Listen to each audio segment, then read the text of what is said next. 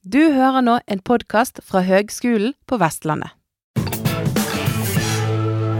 Hei, alle sammen, og velkommen til podkasten Bærekraftige bygninger med meg, Anne Sofie Bjelland ved Høgskolen på Vestlandet. En viktig del av dette med bærekraftighet, det er jo klimagassutslipp, og det gjelder også for bygningene. Jeg har tidligere hatt en prat om nettopp dette med klimagassregnskap med Bergen kommune i en annen episode, for de stiller nå krav til klimagassberegninger i kommuneplanen. Og i den episoden så snakker jeg litt innledningsvis om historien til klimagassberegninger i byggebransjen, så eh, hvis du er nysgjerrig på det, så kan du lytte til den først. Men i dag så var jeg litt nyfiken på å høre fra en av de som er ute og og faktisk regner på disse tingene, en på rådgiversiden. Hvordan oppleves disse klimagassberegningene i et byggeprosjekt, og hva er det vi egentlig står overfor når det gjelder klimagassberegninger? Eh, for å prøve å finne litt svaret på det, så har jeg hatt meg en prat med klimastrateg i Sveko, eh, Ørjan Kongsvik Aal.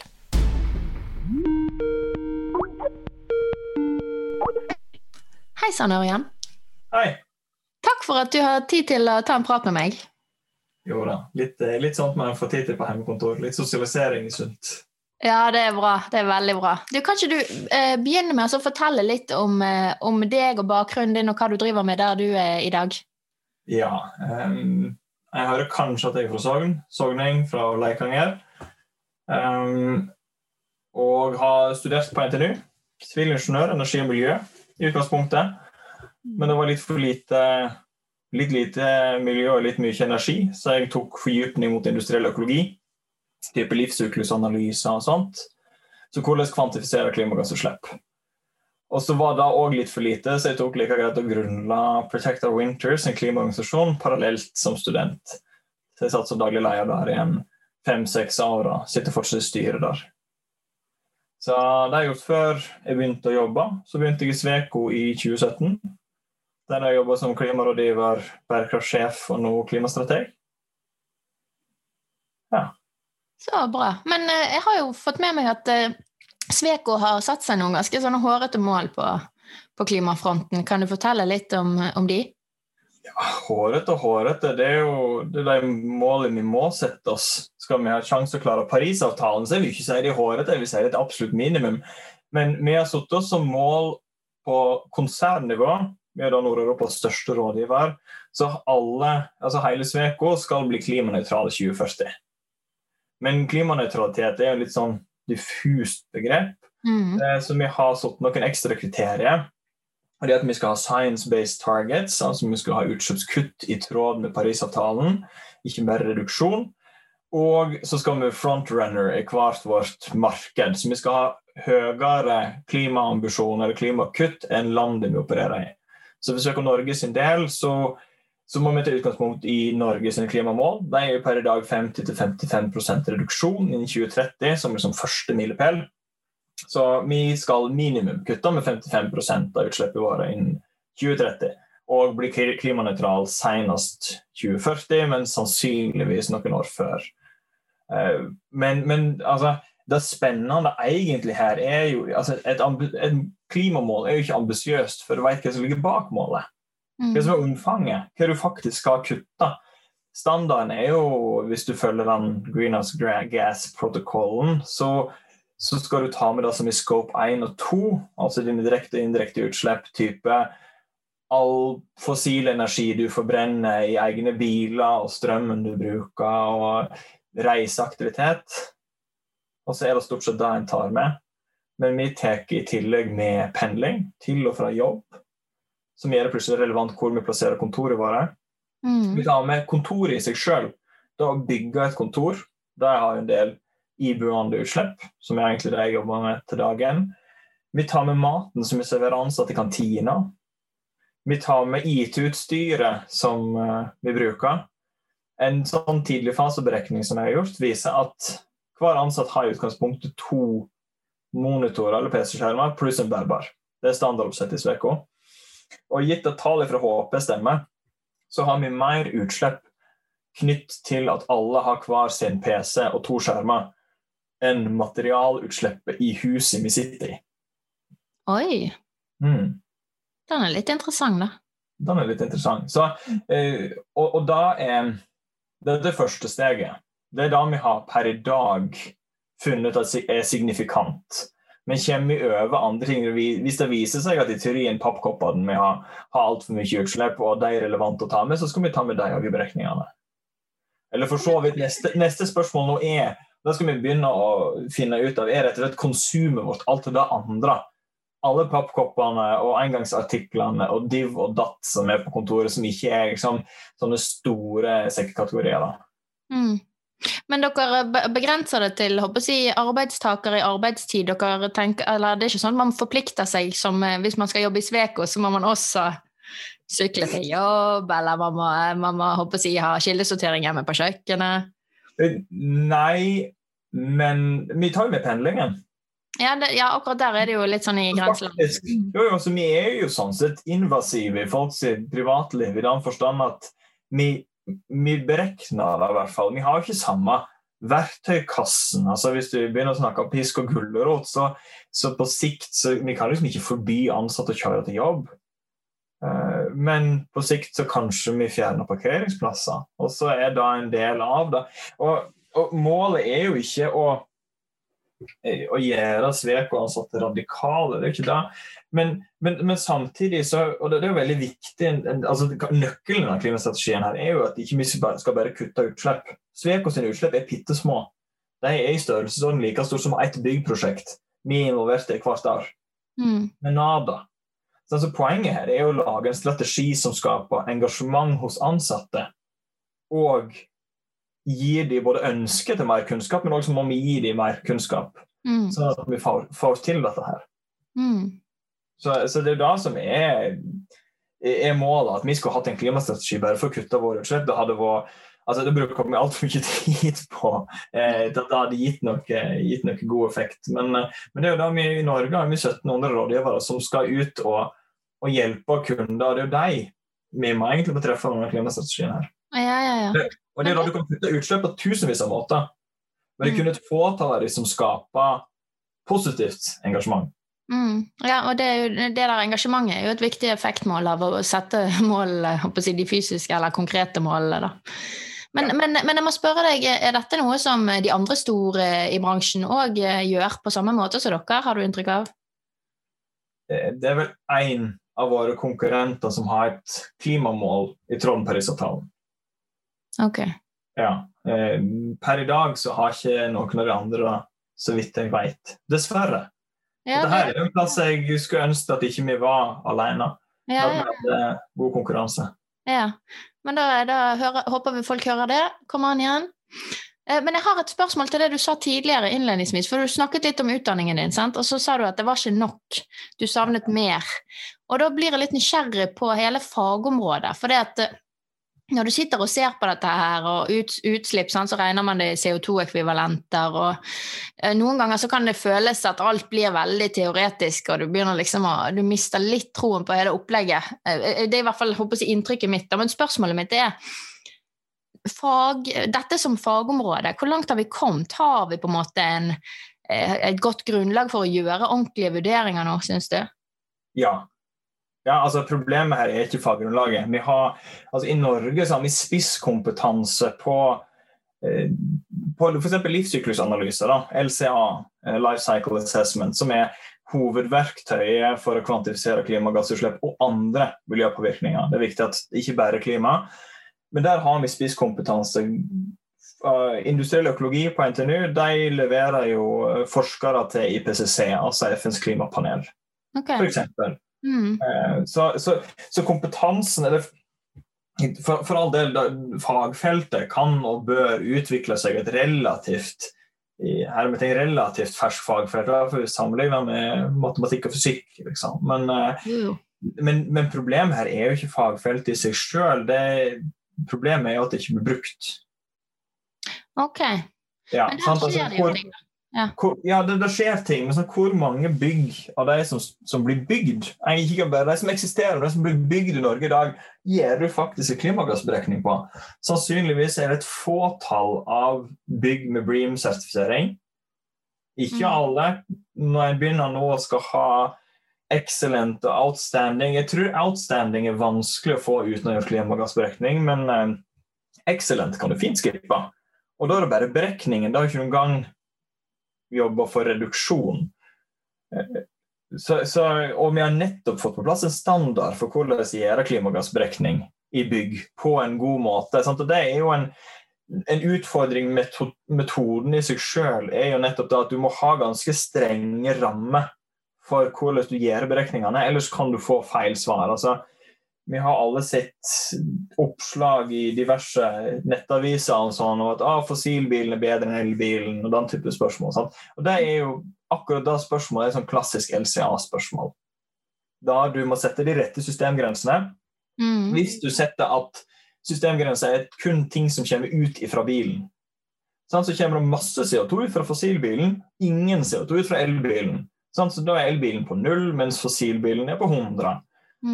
Er, mens tar du med batteriproduksjon, så, så, blir det annerledes. Så poenget er hvordan du sammenligner det, og at det er, et, det er et sammenligningsverktøy.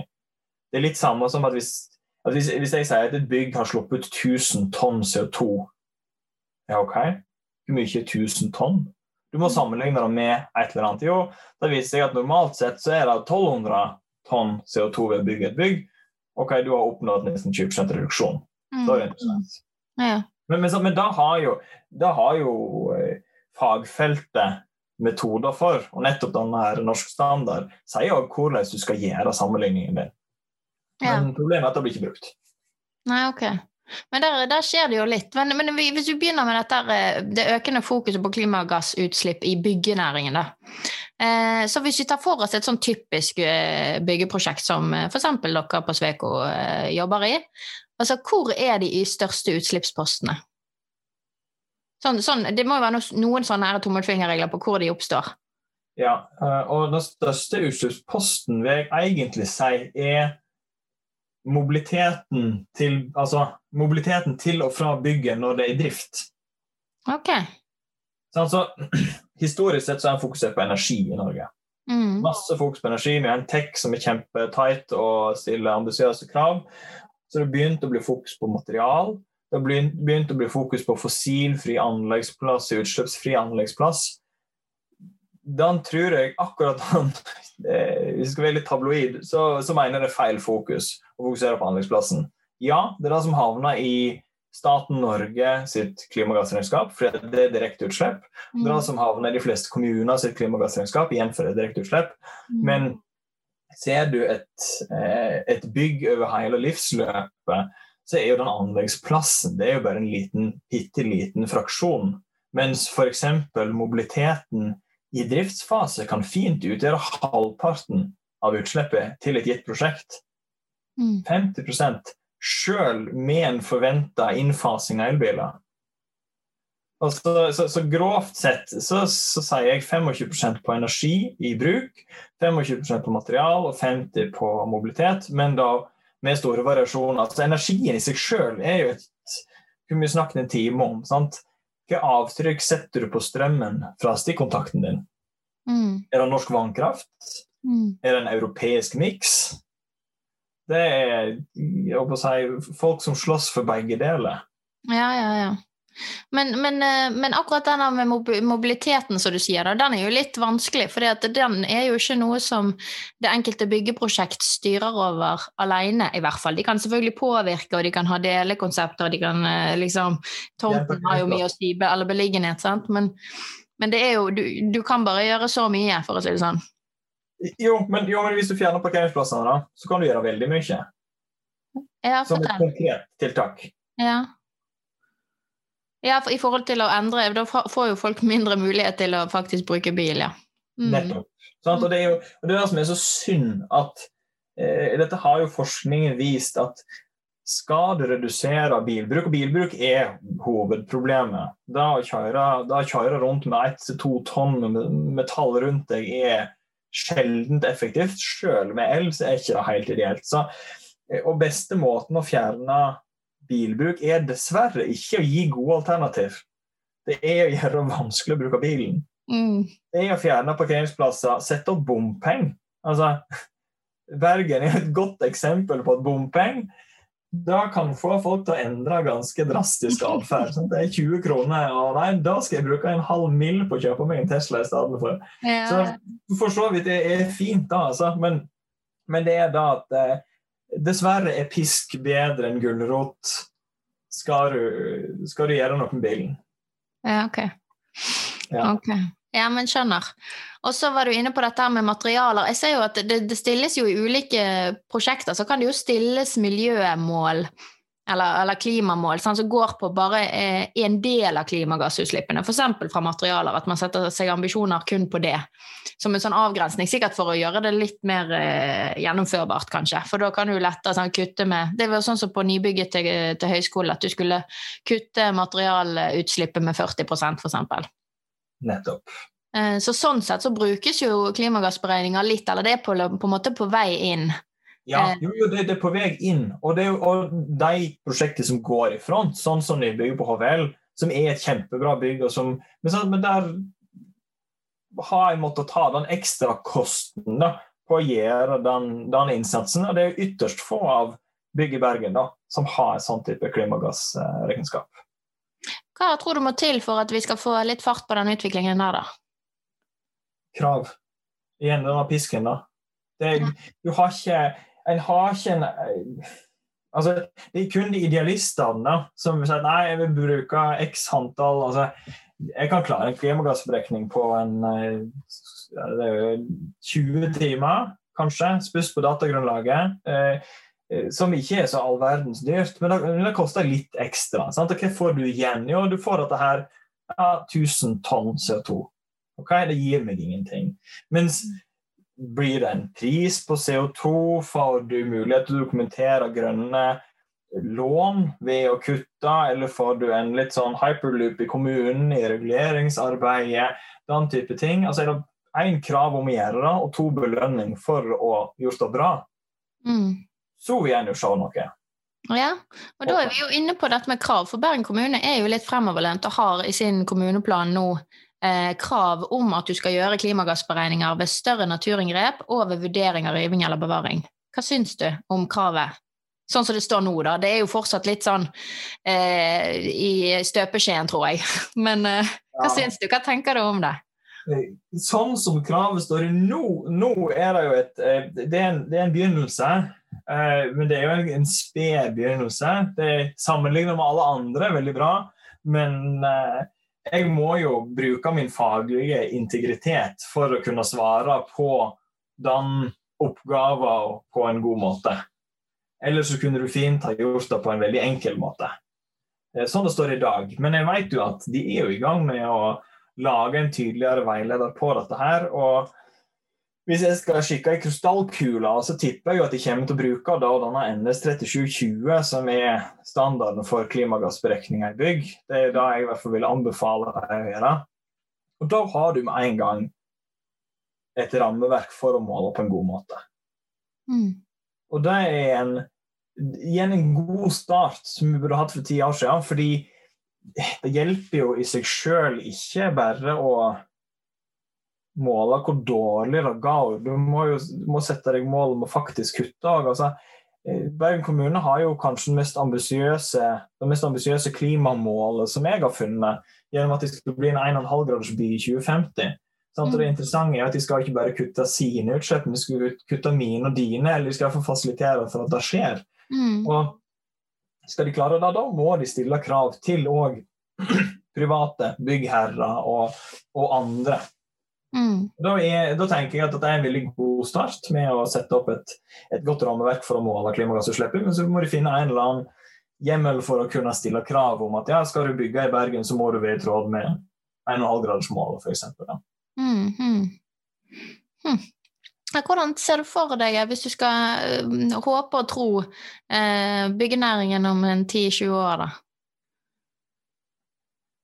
Jeg håper jo Jeg forventer at da er klimagassberegninger og livssyklusanalyse det er like vanlig som vi gjør energiberegninger i dag. Sant? Det er standard. og vi får forhåpentligvis klimamerking av bygg, sånn som vi har energimerking av bygg. Eller kanskje bedre, for det er vel dessverre et fåtall av bygg som blir energimerka likevel. Eller i hvert fall av gamle bygg. Det enn det som skulle vært, i hvert fall. Ja, det skulle vært. Men, um, men så håper jeg jo mer sånn systemisk mye større fokus på, på ombruk og rehab enn riving av nybygg. da. Mm. Og Der ser en jo tendensen allerede i dag, men, men det er fortsatt skal jeg ikke sitere meg på det, men jeg lurer på Var det 2000 eller 20 000 bygg? Nei. Ja, det er ganske mange. Det rives, det- tenker du på? Ja, det, det rives veldig mange bygg. Det er jo egentlig enkle måten å si det på. Det rives veldig mange bygg i dag. Mm. Og ja, kanskje noen må rives fordi en ressurs var enten prosjekterte dårlig dantid, eller det har endra seg kravet. Men da bør en kanskje lure litt på om kravet er de rette, hvis det fordrer at du må rive et bygg. Mm.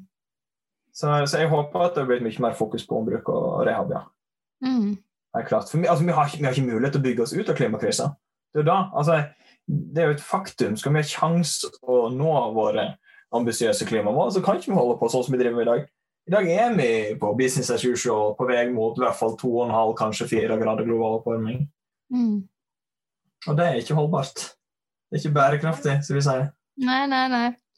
Men eh, ja, nå er vi inne på litt sånn store tanker, da. Men når, når jeg tenker eh, dypt ned i disse spiralene her, så blir jeg alltid litt sånn her eh, Uansett hva vi gjør, så kommer vi til å bli flere, og vi kommer til å trenge å bygge ut. Sant? Nå fortetter vi, og vi har en fortettingsstrategi og alt mulig, men vi kommer ikke unna at det kommer til å bli for tett til slutt, eller vi må liksom, vi må ekspandere. Sant? Så på en måte, vi i oss sjøl er jo ikke bærekraftige, eller skjønner du? Den, denne dype filosofiske hjertesukket mitt. Altså, du, du går rett på sånn der befolkningskontroll og den delen der. Jo, det er mange som kommer til Ja, men Ørjan, har er- problemet er jo egentlig at vi har altfor mange folk. ja. Eh, ja, kanskje, men, men, men samtidig så er det jo mulig å gjøre noe med det likevel. Altså, vi, har, vi har fint mulighet til å leve innenfor verdens tålegrenser.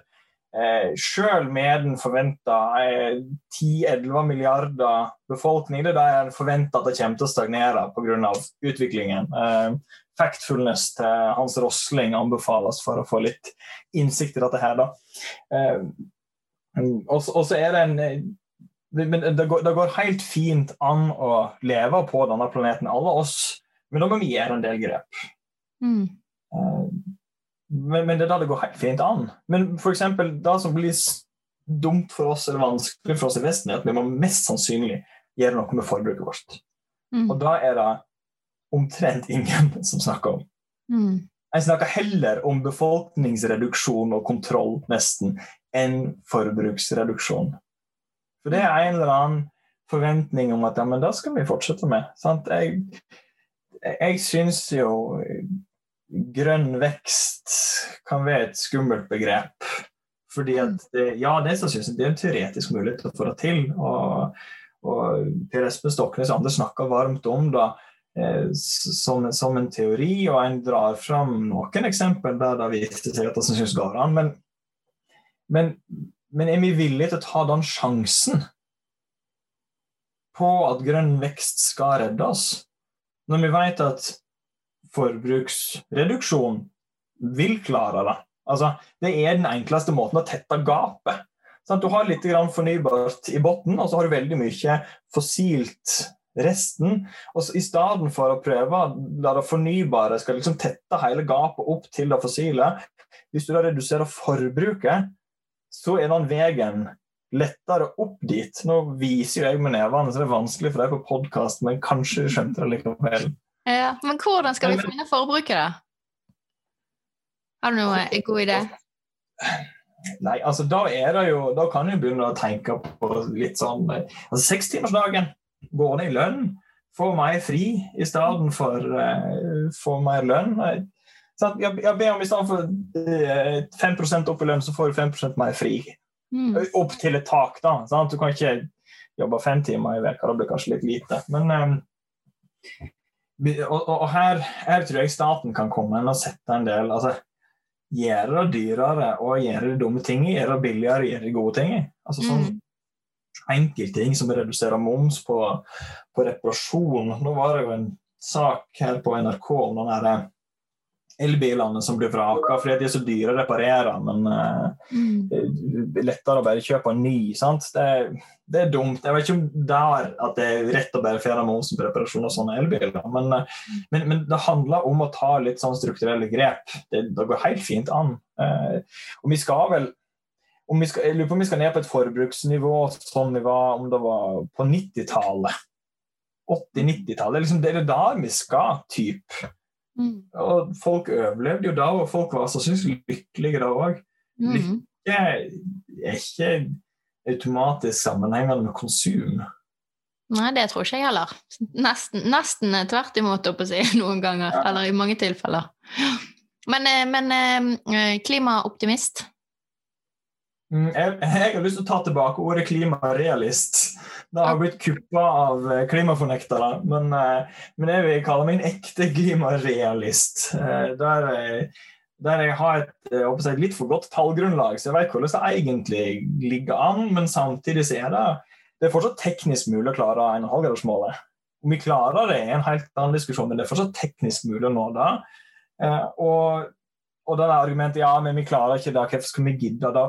Jo, vi begrenser i hvert fall konsekvensen.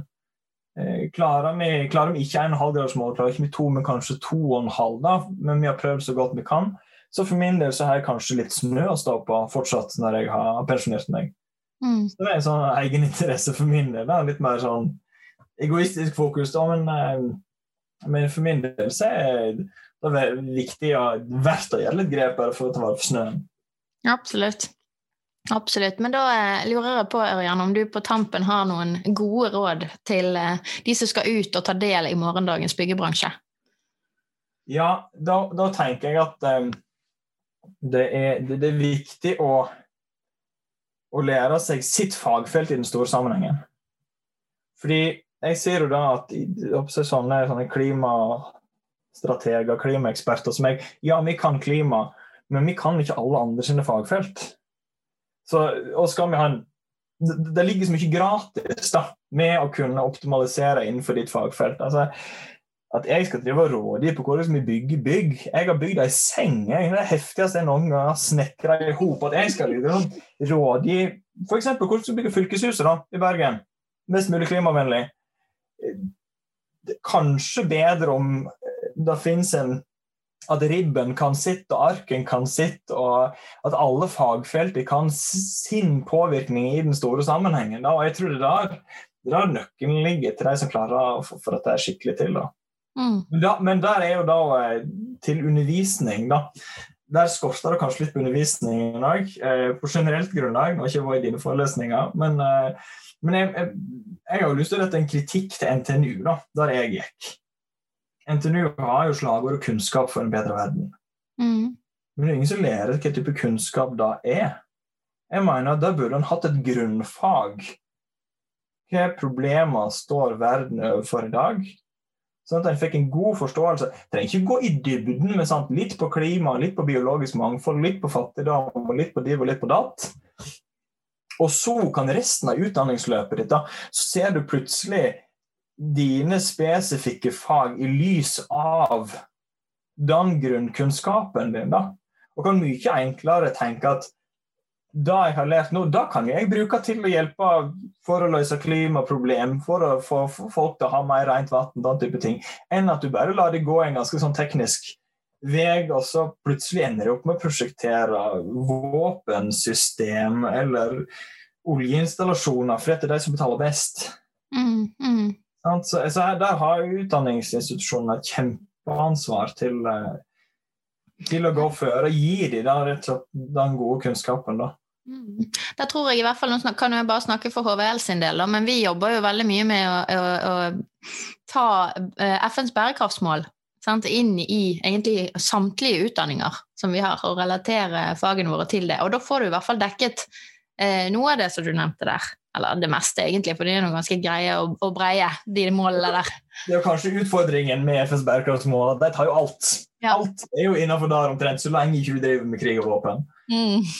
Så, så, så det, hvis jeg skal rette en kritikk, kritikk til FNs bærekraftsmål, så er de kanskje litt for, litt for uh, breie. Men uh, Ja, de må liksom Ja, er bearbeides og relateres til, til det enkelte, både land og kontekst og fagområde. Ja. Ja. Yes, yes. Nei, men du, supert. Tusen takk skal du ha, Ørjan. jo, vær så god. ha det godt. Ha det.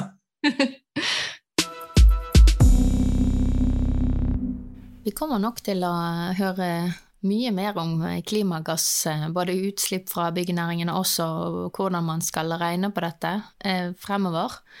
Eh, jeg merker når jeg har eh, en prat som dette her med Ørjan, så blir jeg, eh, man blir litt sånn skremt, og man blir veldig engasjert.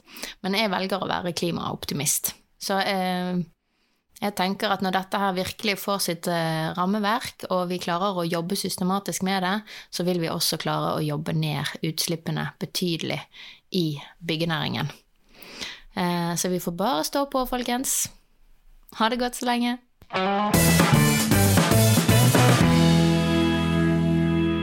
Har nå hørt en podkast fra Høgskolen på Vestlandet. Du kan høre flere podkaster fra oss ved å gå inn på nettsiden hvl.no. slash podkast. Du har nå hørt en podkast fra Høgskolen på Vestlandet. For å høre flere podkaster, besøk hvl.no slash podkast.